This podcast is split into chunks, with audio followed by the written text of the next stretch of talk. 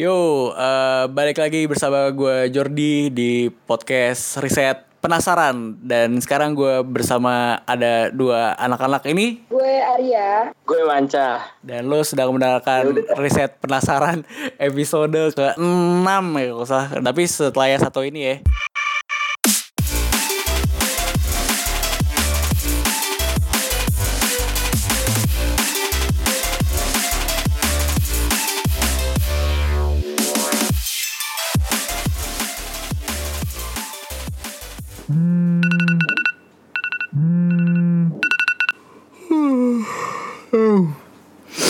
Oke Google, play Arvipra on podcast. Alright, playing the latest episode of Arvipra on podcast.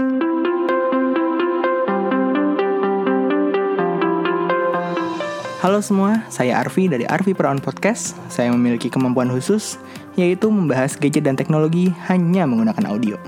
Bisa didengar di SoundCloud atau Apple Podcast dengan nama Arvipra on podcast. Oke, terima kasih sudah mendengarkan.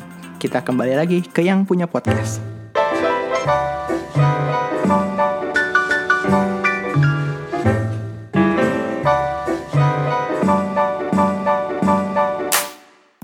Uh, gue sekarang lagi line call bersama dua podcaster yang cukup sensasional di minggu lalu uh, ngomongin soal ini dibilangnya kita ini nih apa namanya janjian ngupload ya gara-gara sama-sama ngomongin soal disruptif dis, disruptifan soalnya. Kenalin diri lu sendiri dulu dong. Oke okay, oke. Okay. um, sebenarnya gue juga nggak ngerti ya um, tiba-tiba bisa heboh gitu ya gue gue sama aja kayak ya udah gue ngajak Cah main di podcast gue lah gitu gitu ini terus Manca juga. Terus um, jadi kalau semua makasih buat Jordi yang mau undang gue dan Manca Aji, tai banget, gak usah, gak usah gitu. um, podcast gue namanya uh, Sudut Pandang, lo bisa cari di SoundCloud uh, soundcloud.com slash sudut pandang. Mungkin lu Cah Manca mana nih, diem aja. Uh, Oh, ya, ya enggak, gue nungguin udah selesai apa belum? Udah, udah. uh, ya perkenalkan gue Mancah dari podcast Pecah PETJAH dari Edison Plot. Nah, gitu aja. Oke, ini kita ngomongin soal obrolan minggu lalu nih soal apa millennials di era inovasi disruptif kan ya? Iya iya betul. Ya, um, itu itu tuh membuat semua orang tertarik gitu, apalagi anak-anak podcast Indonesia di grup kan kayak ini wah ini apa obrolan yang bagus dan segala macam dan kayak mau terus habis itu si Bang Saleh itu mau bikin uh, kayak obrolan macam ini dengan istrinya gitu dan dan dan salah satu poinnya ya uh, yang gue lihat adalah si Mancah itu lebih ke arah kayak kalau misalkan kemanusiaannya nah tapi kayaknya gue gue lihat ya gue dengerin sih bukan gue lihat gue dengerin area ini kayak percaya banget sebentar lagi dunia ini akan dikuasai oleh robot gitu. Lu pemikiran lu gimana sih? Gue gue penasaran sih dengan dengan orang yang apa namanya basic ilmunya tuh psikologi tapi pemikirannya malah kayak ya mungkin manusia ini bakal digantikan oleh robot gitu. Um, sebenarnya bukan gue bukan percaya kalau dunia ini bakal digantikan sama robot, tapi um, gue mikirnya makin lama manusia itu bukan jadi manusia.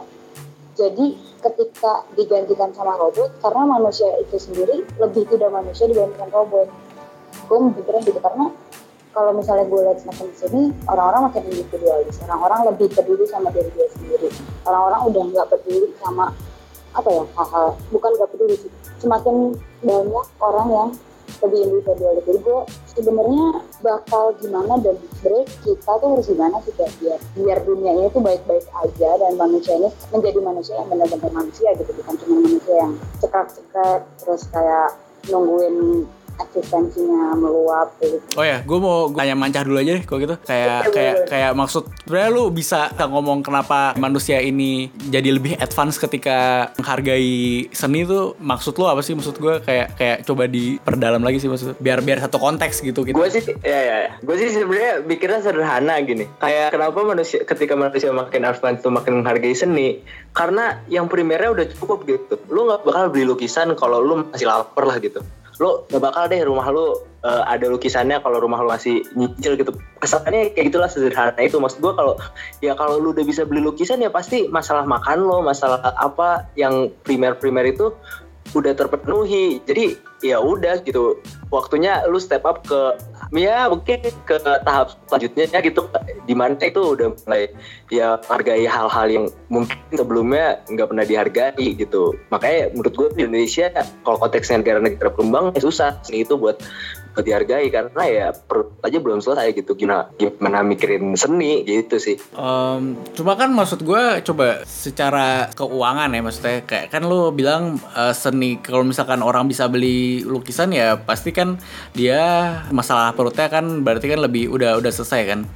Cuman kan apa namanya kalau sekarang gini seni itu kan sebenarnya kan abstrak dan dan semua orang bisa membuat seni. Contohnya aja ya contohnya aja kayak orang-orang di mana misalkan di suku Sasak di Lombok di, di mana misalkan di Papua dan segala macam kan dia bisa membuat rajutan dan segala macam dan itu termasuk ke dalam seni dan Ah. dan mereka juga nggak perlu uang yang berlebih untuk menghargai seni gitu. Ya, enggak, ah, beda. Itu kan mereka memproduksi, paham nggak? Kan seninya mereka tuh hak lahir dari budayanya, paham sih? Budayanya mereka, mereka emang kayak gitu gitu. Maksudnya kalau mis contohnya yang lu, lu bilang tadi kayak ya emang misalnya orang Papua atau orang misalnya orang Lombok bisa ngerajut ya emang emang itu budayanya mereka itu udah udah turun temurun tanpa tanpa perlu gimana gimana tapi orang yang membeli budaya itu gitu loh ya orang yang membeli eh, rajutannya itu ya ya itu orang-orang yang udah perutnya udah selesai menurut gua bukan masalah bukan masalah siapa yang memproduksi siapa yang mengapresiasi dalam hal ini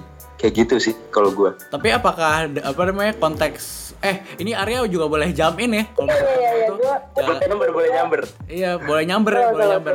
Eh, maksud gue dalam kata terminologi menghargai kan? Bukan berarti ya lo harus mengeluarkan uang dalam untuk menghargai seni itu ya nggak sih? Iya, Ya, iya. nah itu ya itu, itu makanya kan gue bilang kalau dia udah menghargainya sampai di tahap beli berarti kan udah udah perutnya udah selesai gitu. Eh menghargai kayak lu mengapresiasi oke eh, ini bagus oke ada budaya ini oke ada kesenian ini segala macam.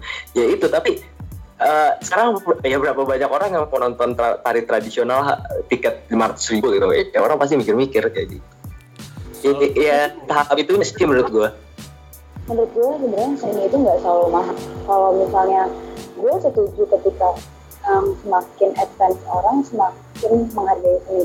Sebenarnya, jadi gue barusan nih abis ilmu dosen gitu kan, gue bahas gitu. Terus gue tuh bilang gini, sebenarnya yang bisa bertahan tanpa orang-orang yang um, pada akhirnya um, dia itu menghargai hal-hal yang di luar nalar manusia.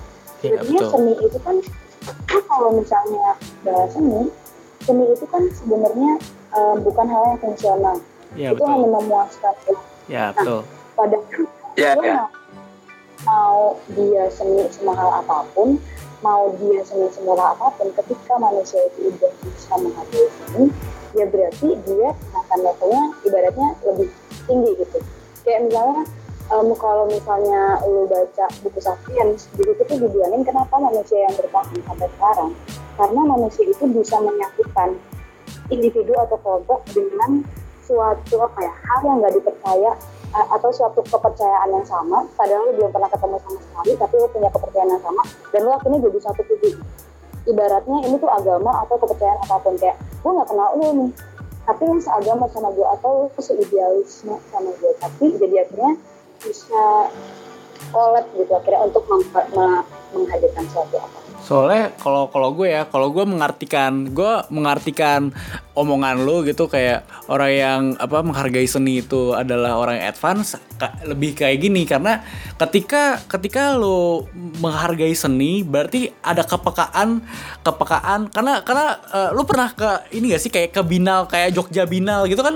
Lo pernah datang gak sih? Jogja Ya, ya, Iya. Jogja gitu, gitu kan Iya art joke, Jogja Binal gitu. Iya. Karena yang gue rasain ketika eh, ke, ke Jog ke Jakarta Jakarta Binal kan Jakarta Binal dulu baru Jogja Binal kan. Eh, kabar kebalik ya. Pokoknya Jak- ketika datang ke Jakarta Binal atau ke em, kalau di Jakarta Museum Macan atau enggak ke museum apa namanya atau enggak ke galeri-galeri art gitu ya. Eh, yang gue rasain adalah eh, komunikasinya antara antara eh, apa pesan yang dicoba disampaikan oleh si artis dengan si penikmat eh, kesen kesenian itu adalah pesannya. Jadi ternyata kayak oh nih orang tuh segitu pekanya ya dengan keadaan sosial. Oh nih orang tuh segitu pekanya dengan jadi jadi dari arti-arti dari karya-karyanya mereka, gue berpikir bahwa ternyata artis-artis ini seniman-seniman ini sebenarnya adalah orang-orang yang lebih paham terhadap society ketimbang eh, pemerintah gitu loh. Karena jadinya jadinya ketika mereka mengerti society ini seperti apa, ketika seseorang mengerti society-nya seperti apa dan dan orang ini needs-nya apa, kebutuhannya apa dan segala macam, eh ketika dia merasa dirinya seniman, akhirnya dituang menjadi karya gitu ya. Tapi kalau misalnya coba kalau misalkan kita berpikir bahwa pemikiran-pemikiran antara seseorang dan eh, seniman ini sama. Dan ternyata seseorang ini misalkan ternyata lebih jago dalam dunia bisnis gitu.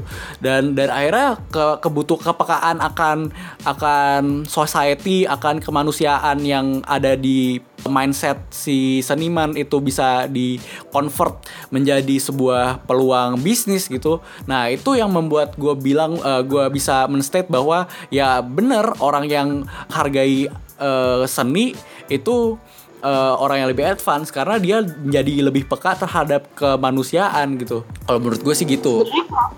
kalau gue gini sih kalau misalnya masalah yang beli itu adalah orang yang punya lain itu kata ya eh, sebenarnya hargai saya itu adalah hargai orang yang punya pandangan lain sih jadi bukan hanya menghargai dunia itu kayak bukan ih wayangnya bukan gitu tapi kayak orang dulu em, apa ya menggambarkan dunia itu dengan wayang cerita mereka sudut pandang mereka seperti ini jadi bukan menghargai wayang bukan menghargai hanya wayang cerita di balik itu Iya, bener. Sesuai dengan apa yang ngomong gue ngomongin dong bukan bukan bukan bukan bentuk dari karyanya kan, tapi cerita dari karyanya. Jadi kayak wayang dengan cerita wayang beda dong. Tapi kan orang menyukai cerita wayang bukan wayangnya ya kan. Iya. Iya. Tapi Kak, ya, ya- yang jadi pertanyaan gimana kalau bentuk seninya abstrak? I mean kayak ya lukisan kayak lukisan abstrak gitu yang yang yang yang nggak tahu gitu itu apa gitu. Sementara kalau setahu gue nih ya kalau misalnya contohnya tadi di galeri seni segala macem itu tuh yang menginterpretasi tuh bukan seniman ya loh. Maksudnya gini, oke seniman yang bikin, tapi yang yang kita baca di galeri seni itu yang pasti di dekat karyanya itu ada tulisan kan kayak misalnya ini Iya. judul misalnya contoh lukisan judul lukisan apa yang buat terus ada tulisan bawah tahu bawahnya semacam ceritanya. Itu tuh gue namanya kurator teks. Nah Iya. itu tuh yang menginterpretasi namanya kurator ya maksud gue kayak ya ya gimana? Maksudnya iya, tadi pertanyaannya kalau misalnya karyanya abstrak terus jadi gimana? Gitu sih nggak tahu nggak gitu Setahu gue ya, setahu gue dalam d- eh, gue nggak tahu ya, gue tuh penikmat doang, tapi gue nggak pernah nggak pernah berkecimpung dalam eh, dunia seni, apalagi seni kontemporer kayak yang selama ini kita lihat kan. Tapi setahu gue eh, kurator itu sebenarnya kan adalah yang eh, gimana ya, kayak ada eh, dia membuat suatu pameran dari bermacam-macam karya di align dan di dibikin flow-nya menjadi sebuah satu cerita gitu. Nah, kurator sampai di situ, tapi untuk pesan pesan yang dicoba disampaikan senimannya sendiri yang yang bikin gitu. Nah, tapi eh, kalau misalkan ya, kalau misalkan eh, tidak ada kurator dan si senimannya itu eh, si senimannya itu tidak eh, tidak kasih apa kasih tahu kalau misalkan eh, ini ini gue bikin bikin lukisan abstrak eh, artinya ini. Tapi kan eh, gini eh, sense sense of sense of eh, art eh, setiap orang kan beda-beda. Dan ketika dia dikasih sesuatu yang abstrak dia akan menginterpretasikan eh, setiap orang tuh menginterpretasikan karya itu atau lukisan itu kan beda-beda. Tapi eh, jadinya karena otaknya beda-beda dan interpretasinya beda-beda gue yakin interpretasi yang paling bagus adalah orang yang memiliki kepekaan akan seni yang lebih baik gitu ya kan. Ketimbang dengan orang-orang yang nggak ngerti eh, atau hanya melihat bahwa karya seni itu cuma jadi eh, wahana doang ya ya paling buat foto-foto doang akhirnya gitu sih kalau menurut gue Ya kalau gue itu itu sih cuman maksudnya kalau misalnya masalah interpretasi ya, Iya. kalau kata gue kadang orang tuh beli seni atau menikmati seni ketika si seni itu berhubungan dengan hidupnya di masa lalu. Misalnya lu beli wayang karena dulu eh, orang tua lu suka dongeng lu pakai wayang. Jadi ketika lo melihat itu lu mengingat orang tua lu. Atau misalnya lu beli abstrak sekalipun lu bisa menginterpretasikan itu sesuai dengan apa yang sudah lo alami atau apa yang sudah lo lihat itu menurut gue bentuk bentuk menghargainya ini bentuk menghargai lu sebagai manusia. Entah lu menghargai diri lu sendiri atau lu menghargai Ya, eh terus suara lo kok makin kecil makin kecil ya? masa Ya, nah, ya nih segede Nah, ini nih. baru gede. Nih, segede ini nih ya baru. oke oke I'm sorry I'm sorry Apa namanya? Sampai mana sih kita tadi? itu sih kok jadi ya gitulah ya gue harap lo bisa deket dah Eh, jadi jadi kayak menurut lo ada korelasi lah dengan experience dia zaman dulu gitu maksudnya. Ah, ah, ah. jadi kayak kalaupun dia melihat art itu se- bukan sebagai cerita di balik si pembuatnya, biasanya dia itu akan melihat art itu dari cerita di balik diri dia sendiri dan art itu me- ya, mengingatkan dia sama kejadian-kejadian di masa lalunya. Tapi kalau dengan dia mengingat itu dengan kejadian masa lalunya, dia menghargai diri dia sendiri. Jadi kayak bentuk menghargai seni itu bukan hanya bentuk menghargai si orang yang membuat seni, tapi menghargai diri dia sendiri dan masa lalunya. Gitu. Hmm, menarik menarik. Gue um, bentar bentar. Gue mau nyari apa yang gue ngomongin. Gue tuh gitu makanya kalau misalkan kalau misalkan lu lu ada di ini gak sih room air check gak sih? Gue ada. Nah, Oh enggak kayak kalau lu dengerin apa namanya feedbacknya gue dari anak-anak katanya gue kayak gue bingung mau ngomong apa tapi sebenarnya karena otak gue udah ada benang merahnya tapi gue nggak bisa ngomongnya gitu loh anjir kesel banget gue eh rumah apaan tuh gue mau masuk dong. apa ya bu ya, Ada, lu tinggal lu, masukin tinggal aja. chat eh buka home-nya aja yang gambar home nanti ada beberapa room lu bisa lu masukin. Iya mau tahu gue maksud gue room yang mana. air check air check R check, R check. Jadi lu kayak lu kayak lu kalau misalkan Indonesian Idol lu masuk situ lu nanti kayak di kalau misalnya eh tolong dong ini air check gue nanti dia kayak kebanyakan sih ya sebenarnya eh, kebanyakan kritik-kritik yang bagus sih mah gue selalu gue masuknya sih dari Om Rane sih. Oh, yang, yang, Iya. yang manggil gue om gak sih? Bukan. Bukan, itu. Itu oh bukan nih, oke Saleh. oke. Oke oke oke. Ini insight ini banget ya. Iya. Nih oke. Inside talk. Iya inside talk. Oke oke. Eh, balik lagi balik lagi ke pembahasan.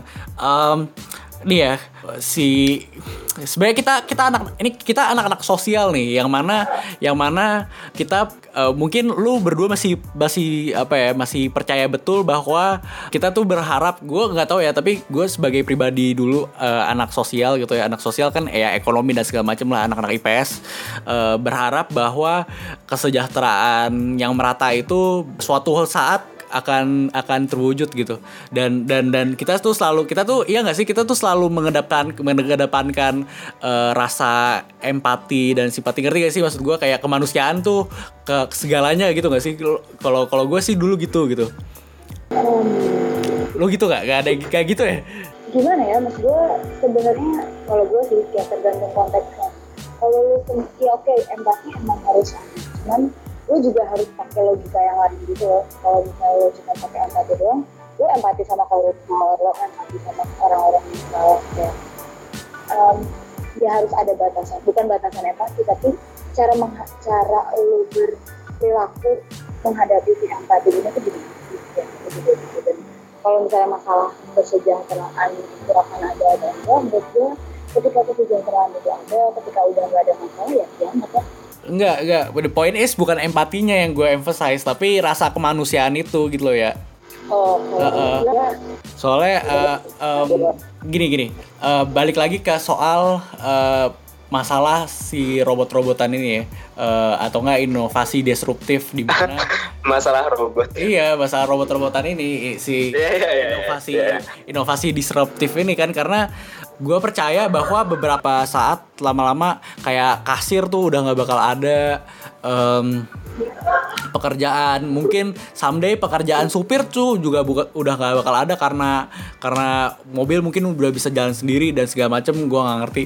Tapi gue percaya bahwa eh, orang yang lebih ngerti lebih, lebih ngerti soal manusia dia bakalan lebih banyak opportunity karena dia lebih peka terhadap kemanusiaan atau needs dari seseorang. Karena kalau misal karena needs itu kan yang dipunyai manusia bukan punya robot gitu. Jadi misalkan robot udah di mana-mana tapi kan lu nggak mungkin bisa eh, robot nggak mungkin bisa ngeluarin duit karena dia butuh lo melakukan sesuatu dong ya nggak Iya pak, oh paham gue. Cuman maksud gue di sini adalah lu sendiri, gue eh, yang gue khawatirkan adalah manusia itu sendiri akan menjadi robot. Min, robot di sini adalah bukan robot bener-bener robot gitu, tapi lu udah nggak menggunakan empati, udah nggak peduli sama lain, lu cuman berfungsi secara ya fungsional aja, tapi lu nggak pakai hati ya. Sekarang aja lu misalnya nih lu ketemu sama temen-temen lu terus lu duduk di satu meja tapi lu nggak peduli sama dia lu cuma peduli siapa yang nge-like lu siapa yang komen di IG lu siapa yang follow lu nah gue bukan em, apa ya pada akhirnya bukan robot mau mengambil alih tapi bukan yang kayak rezinya ganti kayak gitu yang gitu enggak. Cuman em, justru manusia itu akhirnya jadi robot. Jadi kayak em, interaksi satu sama lain hubungan sosialnya justru nantinya nggak ada. Karena ya itu kok apa-apa serba instan. Tapi kalau misalnya memang em, apa ya, ketika ketika satu pekerjaan hilang pasti akan ada pekerjaan-pekerjaan baru. Kayak youtubers youtubers beberapa tahun yang lalu belum ada vlogger kayak gitu kan. Dulu belum bisa dianggap pekerjaan tapi kayak apa ya em, yang baik pesawat sekarang udah robot. Eh, maksudnya pekerjaan itu akan digantikan tapi tetap ada pekerjaan baru. Cuman maksud gue akan menjadikan robot adalah ya manusia yang seutuhnya manusia yang benar-benar lu peduli sama lain lu benar-benar punya jiwa sosial lu apa ya berhubungan dengan Tuhan lu terus ya yang kayak gitu kayak gitu akan hilang karena sebenarnya akan terasa mudah Kalau gue malah jadi ini malah ngebayangin kalau misalnya kalau bisa eh, ya kalau misalnya kayak tadi yang Arya gambarkan kayak eh, ya ya ketika manusia sudah menjadi robot dalam tanda kutip. Eh, gimana kalau ternyata itu yang yang bisa membawa eh, manusia ke ke ke tahap selanjutnya gitu? Maksudnya? Mungkin mungkin. Ya maksudnya gini kayak ya tadi masalah sejahtera apa segala macam. Mungkin ketika kita nggak tahu sih. Ketika udah di tahap itu ya sebenarnya kita udah bisa hidup tanpa berinteraksi mungkin kayak gimana. Nah, mungkin kita juga akan berevolusi lagi gitu. Iya mungkin. Itu mungkin memang. Cuman lu gak akan bahagia gitu loh. Lah Kayak- mana tahu bahagia kayak gini mas gue em, lahiriah manusia itu pasti butuh interaksi. Pasti. Kayak ya iya I, I mean ke enggak. Maksud gue kan ke- menurut gue sih serobot-robotnya manusia. Maksud gue uh, ah nggak sih? Seindividualis individualisnya orang tuh pasti punya punya relation gitu. Ya iya iya. Somehow dengan nah iya iya, nah itu maksud gue kayak ya mungkin di momen itu adalah ketika manusia udah bener-bener relationnya udah bener-bener sedikit dan sempit gitu. Yang yang emang nggak nggak nggak kalau misalnya di, di berkaca dari eh, ke masa lalunya manusia nggak gitu. Ya itu sih. Mungkin tapi gua nggak tahu sih. Gua gua, mm, membayangkan aja. Mungkin itu yang membuat akan membuat kita sejahtera. Sih Uh, gitu. Iya, tapi mungkin juga sih. Maksud gue eh, eh, gini, kayak kayak dari dulu dan sekarang itu kan kita tuh selalu merasa kayak kita tuh mengalami peng- pem- apa kemunduran di dalam hal kemanusiaan gitu ya. Tapi mungkin juga ini hanyalah sebuah proses dari terbentuknya norma norma-norma manusia yang baru gitu. Misalkan gini, kayak mungkin ternyata orang-orang apa manusia ini yang ke depannya ya, ke depannya mungkin kita atau generasi kita atau generasi anak-anak kita atau cucu-cucu kita ternyata lebih lebih senang ikatan tra- dengan manusia-manusia ini lebih eh, intim gitu. Dalam dalam artian tuh maksudnya kayak eh kayak gua kayak gini misalkan mungkin gua gua sama istri gua nanti misalkan gua dengan istri gua dan eh, anak-anak gua. Tapi eh, di di luar dari keluarga kita it doesn't matter gitu. Jadi jadi mungkin gua gua Nah, udah itu, nah iya, itu ya. gua udah kamu gua udah gak mau gua udah gua nggak terlalu mau apa namanya berinteraksi dengan lu misalkan gitu cah. Gua nggak mau berinteraksi dengan lu eh, mungkin dengan dengan dengan menggunakan line call kayak gini aja dengan interaksi kayak lu aja udah cukup gitu. Gak harus kayak ketemu dan kayak kita wah kita sahabatan dan segala macam tapi gua akan lebih intim terhadap keluarga gua yang mana emang ya karena keluarga gue gitu loh. Em, itu bisa. Ya, it- ya itu ya, ya yang yang ya yang mungkin mungkin ya tapi gua nggak tahu sih. Yang buat banyak kalau gue sih gue nggak yakin itu akan cukup membuat lo bahagia. Mas gue manusia diciptakan apa? Mau buat apa? Manusia tuh bahagia. Kalau misalnya lu cuma dengan cukup dengan keluarga gitu maksudnya em, em, apa ya itu ideal itu idealnya tapi kalau misalnya lo mati gitu terus keluarga lo satu-satu mati terus tinggal di satu itu gimana? Pertama. Kedua kalau misalnya lo bilang oke kita interaksi memang bisa by phone tapi ada yang namanya mirror neuron. Mirror neuron tuh kayak lu perlu bertatap muka langsung biar lu bisa merasakan emosi dari orang tersebut gitu. Jadi empati itu tidak akan terbentuk ketika lu berkomunikasi lewat media jadi kalau misalnya makanya kalau misalnya relate-nya sama sekarang ya makanya kenapa kalau menurut gua? Kenapa em, orang semakin berkurang berkurang empatinya? Karena orang semakin ber- semakin jarang melihat orang orang semakin jarang berinteraksi sama orang. Jadi lu tuh nggak dapet feel-nya gitu. Jadi lu cuma melihat layar kaca yang notabene itu cuma benda akhirnya lu nggak bisa ngerasain empati itu karena kalau apa ya kalau menurut gue agak nggak mungkin sih kalau kayak gitu. Kan kecuali lu cuman ada misalnya satu desa satu desa cuma berisi 100 orang 200 orang oke itu masih fine.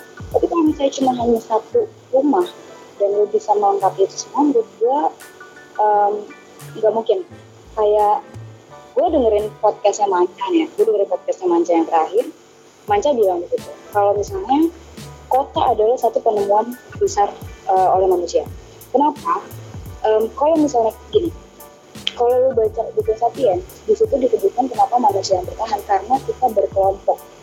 Kalau misalnya kita nggak berkelompok sendiri jadi di sana disebutkan teori bahwa em, kenapa mamut bisa mati kenapa dinosaurus dinosaurus bisa mati itu karena manusia. Karena kita berkelompok sangat banyak maka dari itu orang-orang apa benda-benda atau hewan-hewan seperti itu bisa punah. Kalau lu bayangkan sekarang ini cuma empat orang tiga orang. Oke sepuluh orang lah paling maksimal satu keluarga.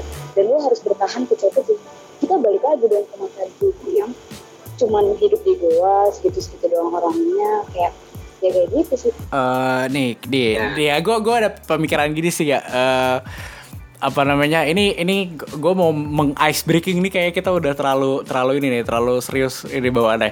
Eh nih sekarang gini coba coba lu pikir ya kita kita sama-sama membayangkan kita sama-sama menghayal. Eh Oke kita satuin kepala ya satuin kepala. Eh gue karena gue menganggapnya gini eh apa intim itu hanya keluarga dan di luar itu it, it doesn't matter.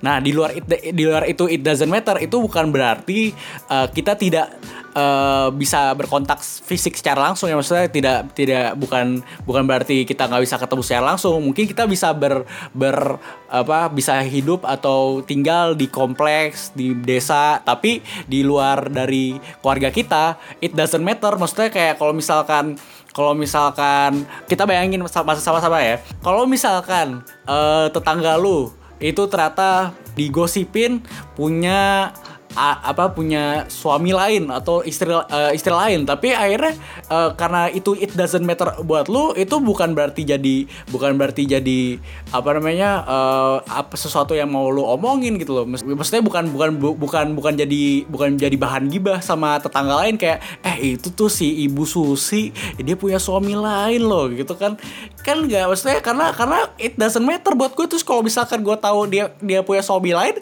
so what gitu. Karena yang matter tuh udah jadi keluarga gue doang gitu. Sekarang kalau nih ya eh, lu ber, kita berpikir lagi. Eh, kalau misalkan eh, konseptual ke depannya evolusi manusia normanya sudah eh, apa namanya ma- em, keluarga itu adalah segalanya dan di luar itu it doesn't matter nggak ada yang namanya pelakor loh. Gak bakal ada yang namanya pembinor itu loh. Ya gak sih? Menurut lo kayak kayak apa? Ya udah sih yang better kan cuma keluarga gue gua doang. Ngapain gue harus selingkuh? Kenapa harus kenapa gue harus jadi perebut laki orang gitu? Ya gak sih? Tapi kalau menurut gue itu nggak mungkin. Apa? Kalau menurut gue itu nggak mungkin kayak apa ya? Ya lu macam lu udah kayaknya dia mau nanggepin juga. lanjut lanjut Ma- masih membayangkan masih tidak membayangkan ya Iya kan. Mendalami. Tapi kan gitu kan karena karena keluarga gue, misalkan gue gue dengan istri gue karena iya iya iya karena Ya, istri gua- gue karena istri gue meter cuma istri gue yang meter dan anak-anak gue yang meter ya gue gak bakal selingkuh dong gimana sih? Nah, itu Enggak ya? gimana, Tapi gimana? kayak itu enggak se enggak tahu ya, ya gue tahu sih inter, ini intermezzo. Cuma mas gue em, itu nggak mungkin karena lu menikah dengan satu orang, lu butuh pencarian, lu nggak mungkin cuma kenal sama keluarga doang. Iya. Kedua, kalau misalnya sekarang aja di mana orang-orang ini tuh banyak berinteraksi, lu banyak kecewa dengan keluarga lu sendiri. Lu kalau udah kecewa sama keluarga lu sendiri, lu mau cerita sama siapa? Masa mau cerita sama robot?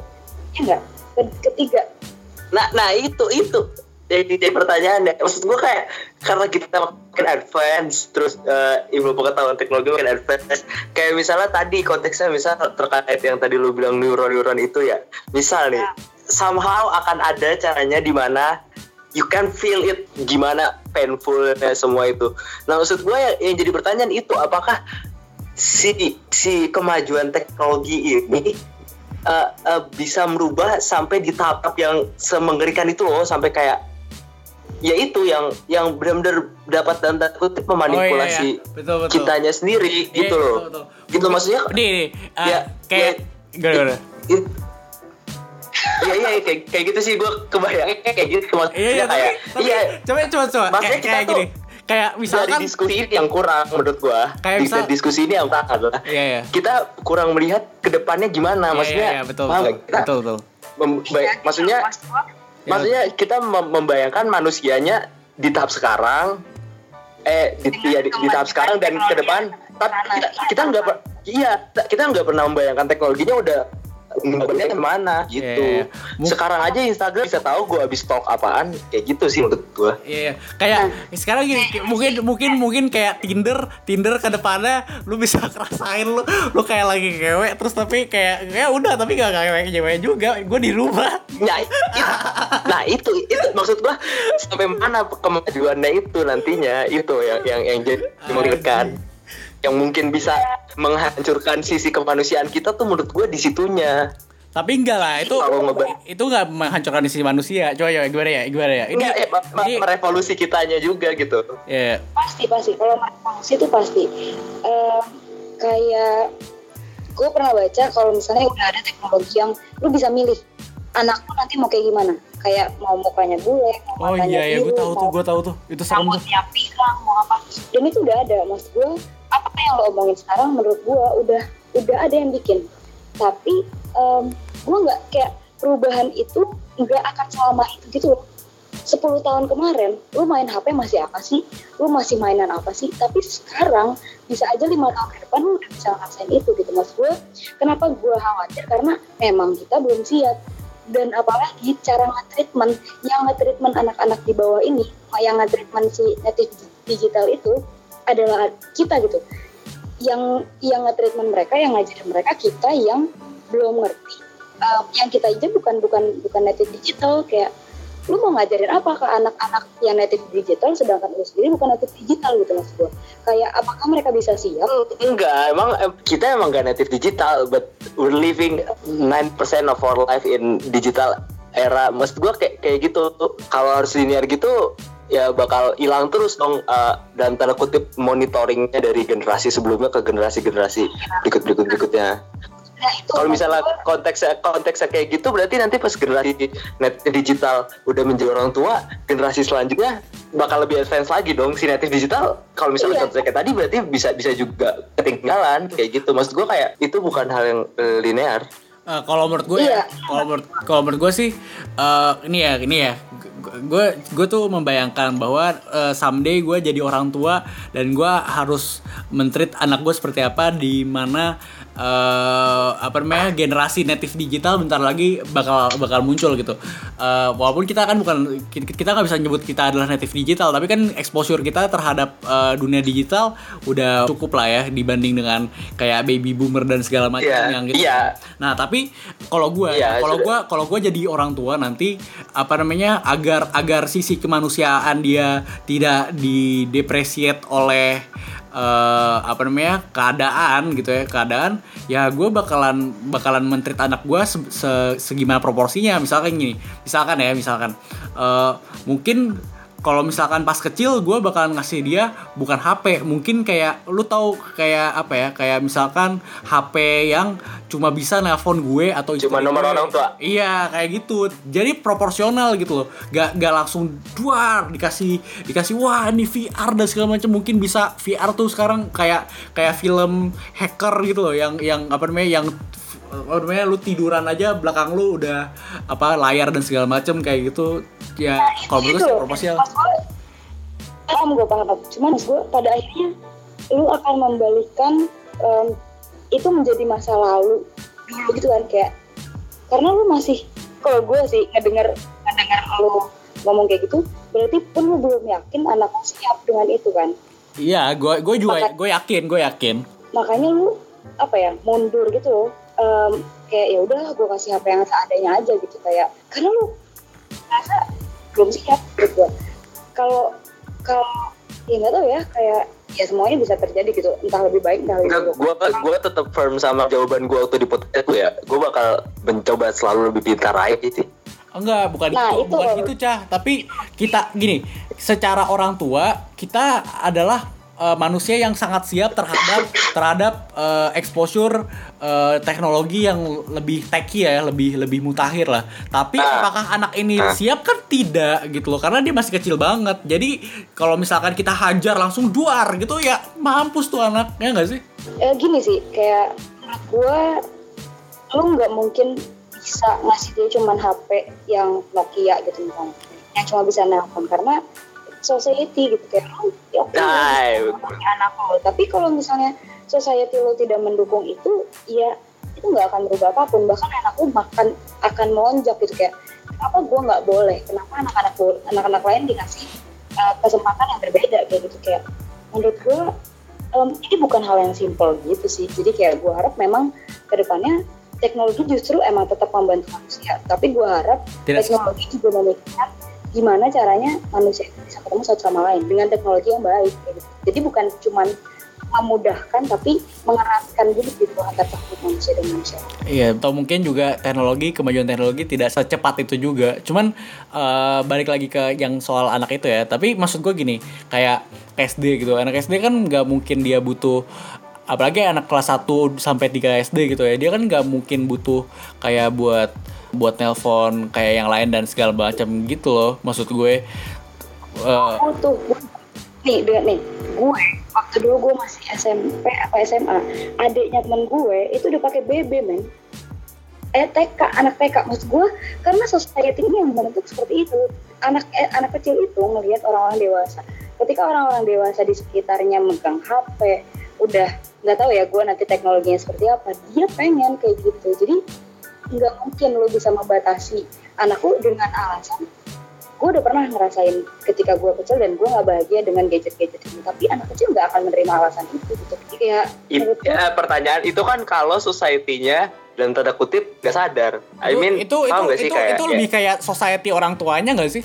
Maksudnya gini, kenapa kenapa kenapa anak sekarang anak TK ada yang megang BB ya gara-gara orang tuanya ngasih lah. Gimana sih? Nah, ma- nah itu maksud gue kayak kayak kalau society-nya udah sadar akan ke dalam tanda kutip berbahayanya teknologi-teknologi itu dan semua orang oke sadar oke o- oke ayo kita mulai semuanya. Nah, itu maksudnya eh, Ya.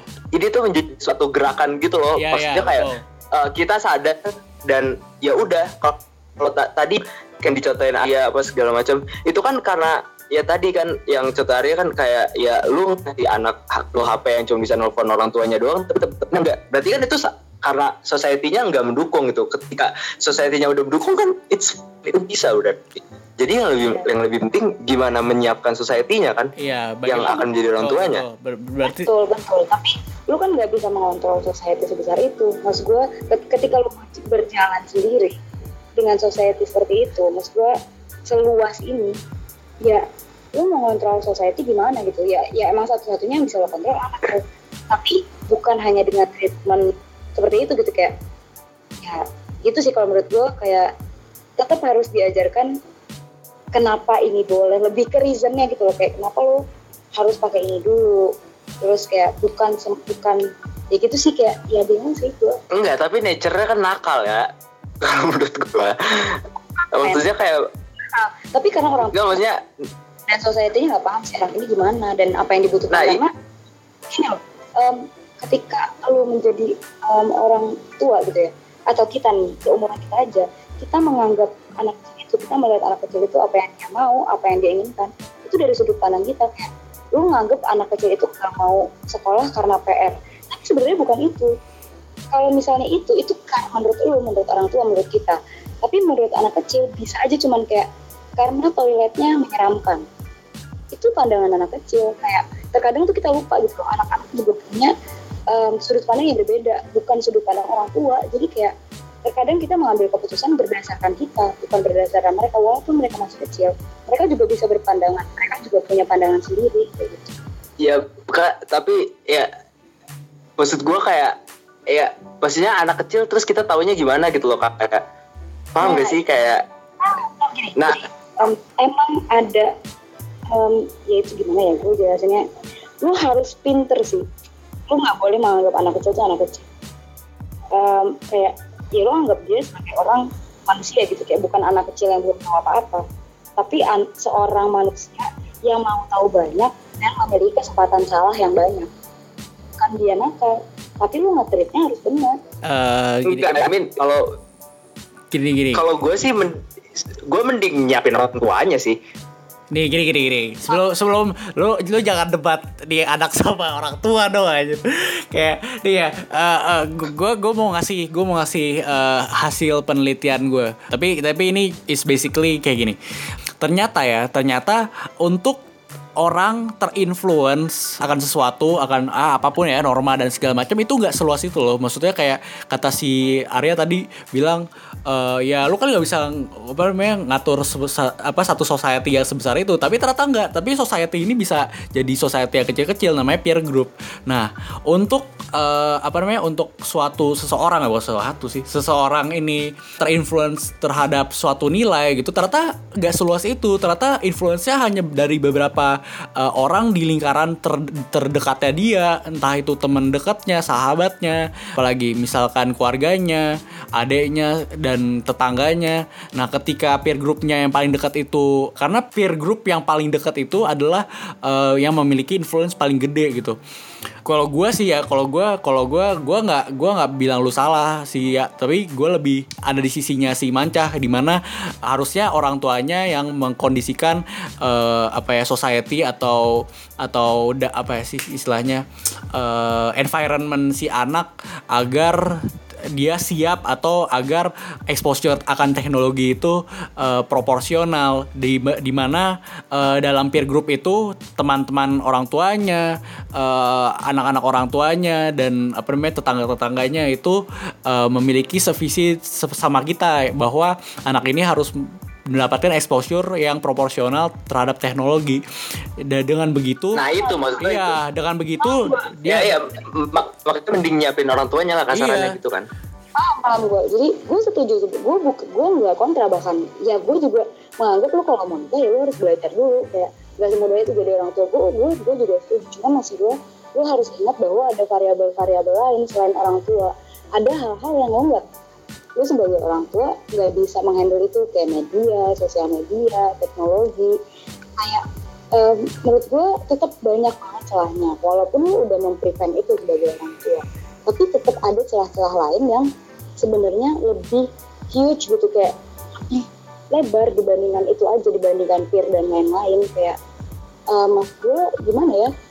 Eh, nggak cukup cuma itu doang sih. Kayak lu mau mengubah society kita yang harus ngubah bukan lu mas gue bukan perorangan bukan gue karena sekarang yang yang sadar terhadap disruption yang sadar terhadap em, apa ya yang yang udah mulai cemas itu baru sedikit orang gitu. Kayak maksud gue ya ini tugas kita mencemaskan semua orang kalau semua orang harus sadar kalau ini baik semuanya buruk. Tapi lu juga harus sadar lu harus berubah dari kenyamanan lu maksud gue ya ya gitu sih kayak ada variabel-variabel lain yang lu juga harus lakukan lu harus siap gitu dengan itu gitu Ya kalau gue sih kan ada variabel kontrol dan variabel yang gak terkontrol. Nah menurut gue itu tadi sih gue tetep kayak ya, ya yang lebih terkontrol tuh variabel yang itu gitu. Kalau misalnya yang kita dulu bilang variabel di luar itu, eh, iya mau gimana gitu. Mungkin uh, the imperfection that make us evolve gitu tuh kayak iya semua penemuan, semua kemajuan itu karena di imperfection gitu. Di situ, even untuk hal society ini menurut gue juga gitu. Kayak ketika ada di imperfection ya di situlah kita mulai ber dalam tanda kutip mulai punya konsensus bersama dan oh ya ini kayak gini. Ya udah gitu tapi tetap ada variabel terkontrolnya. Iya benar-benar. Memang memang harus jadi maksudnya em, bener banget seorang apa ya orang tua itu harus ditekan bener banget. Dan maksud gue bukan berarti kita nggak bisa apa-apa sama sosok variabel maksud gue justru kita di sini pemuda-pemuda itu yang berperan besar buat mengontrol keadaan variabel lain gue gimana ya society ini sebenarnya bisa diubah. Society ini bi- bisa diubah ke arah yang baik. Tapi ada nggak yang menggerakin gitu kayak ya bener lo orang tua ya itu udah bukan suatu pilihan kayak ya lu wajib kalau mau jadi orang tua ya lu harus belajar dengan baik dan benar gitu kayak kayak gitu sih Oke oke, ini udah 53 menit nih. Kayaknya kita Wow. kayaknya kita ke bottom line aja kali ya. Kita wrap up. bottom line betul Ya oke. Eh, menurut gue nggak mau gue yang bottom line lah. Gue mau lu, lu berdua aja yang bottom line Menurut bottom line lu menurut lu apa cah? anjir kenapa gue pertama Ya nggak apa lah. Gila. Eh, menurut gue bottom line ya tadi terkait eh, kalau masalah eh, teknologi ya kita nggak tahu kemajuannya sampai mana. Jadi ya daripada memikirkan kemajuannya sampai mana lebih baik mempersiapkan apa yang bisa dipersiapkan. Yang tadi gue bilang variabel-variabel terkontrolnya itu sih. Itu kayak gitu nggak? Yang lo yang lo maksud bottom line tuh gitu gak sih atau? Iya iya betul betul betul. Bottom line. Kalau ya? Kalau gue eh, lebih ke lu harus buat orang lain resah sih kalau cuman kita kita doang yang resah perusahaan kita ini nggak akan berarti apa-apa. Kecuali lu bisa buat ke negara ini paling enggak sadar kalau udah mulai eh, mempersiapkan hal-hal yang nggak mungkin terjadi yang mungkin terjadi. Iya benar em, hal-hal variabel terkontrol tetap harus dijalankan tapi yang tidak terkontrol harus mulai dikontrol. Jadi semuanya kita paling nggak siap dengan kemungkinan apa pun. Itu sih. Oke, kalau dari gua bottom line dari gua berarti disruption itu tai anjing. Yaudah, gitu aja. Thank you ya eh, Arya Somanca. Eh, thank you banget Yo, eh, untuk sama-sama. obrol- obrolan hampir sejamnya ini yang seru banget eh, soal inovasi disruption dari anak-anak yang kuliah di Jogja. Asik. Ada yang mau disampaikan lagi gak nih sama ini sama pendengar gue? Asik, kayak ada pendengar aja. Eh, kalau gue ya jangan lupa dengerin SoundCloud gue juga, podcast gue juga em, di sudut pandang ya podcast.com slash sudut pandang. Kalau gua jangan lupa dengerin podcast gua karena Postinor udah nggak ada lagi, dia lagi hiatus, oke? Jadi mending dengerin podcast gua gitu. Nah, abis dengerin mereka berdua, dengerin gue. Udah.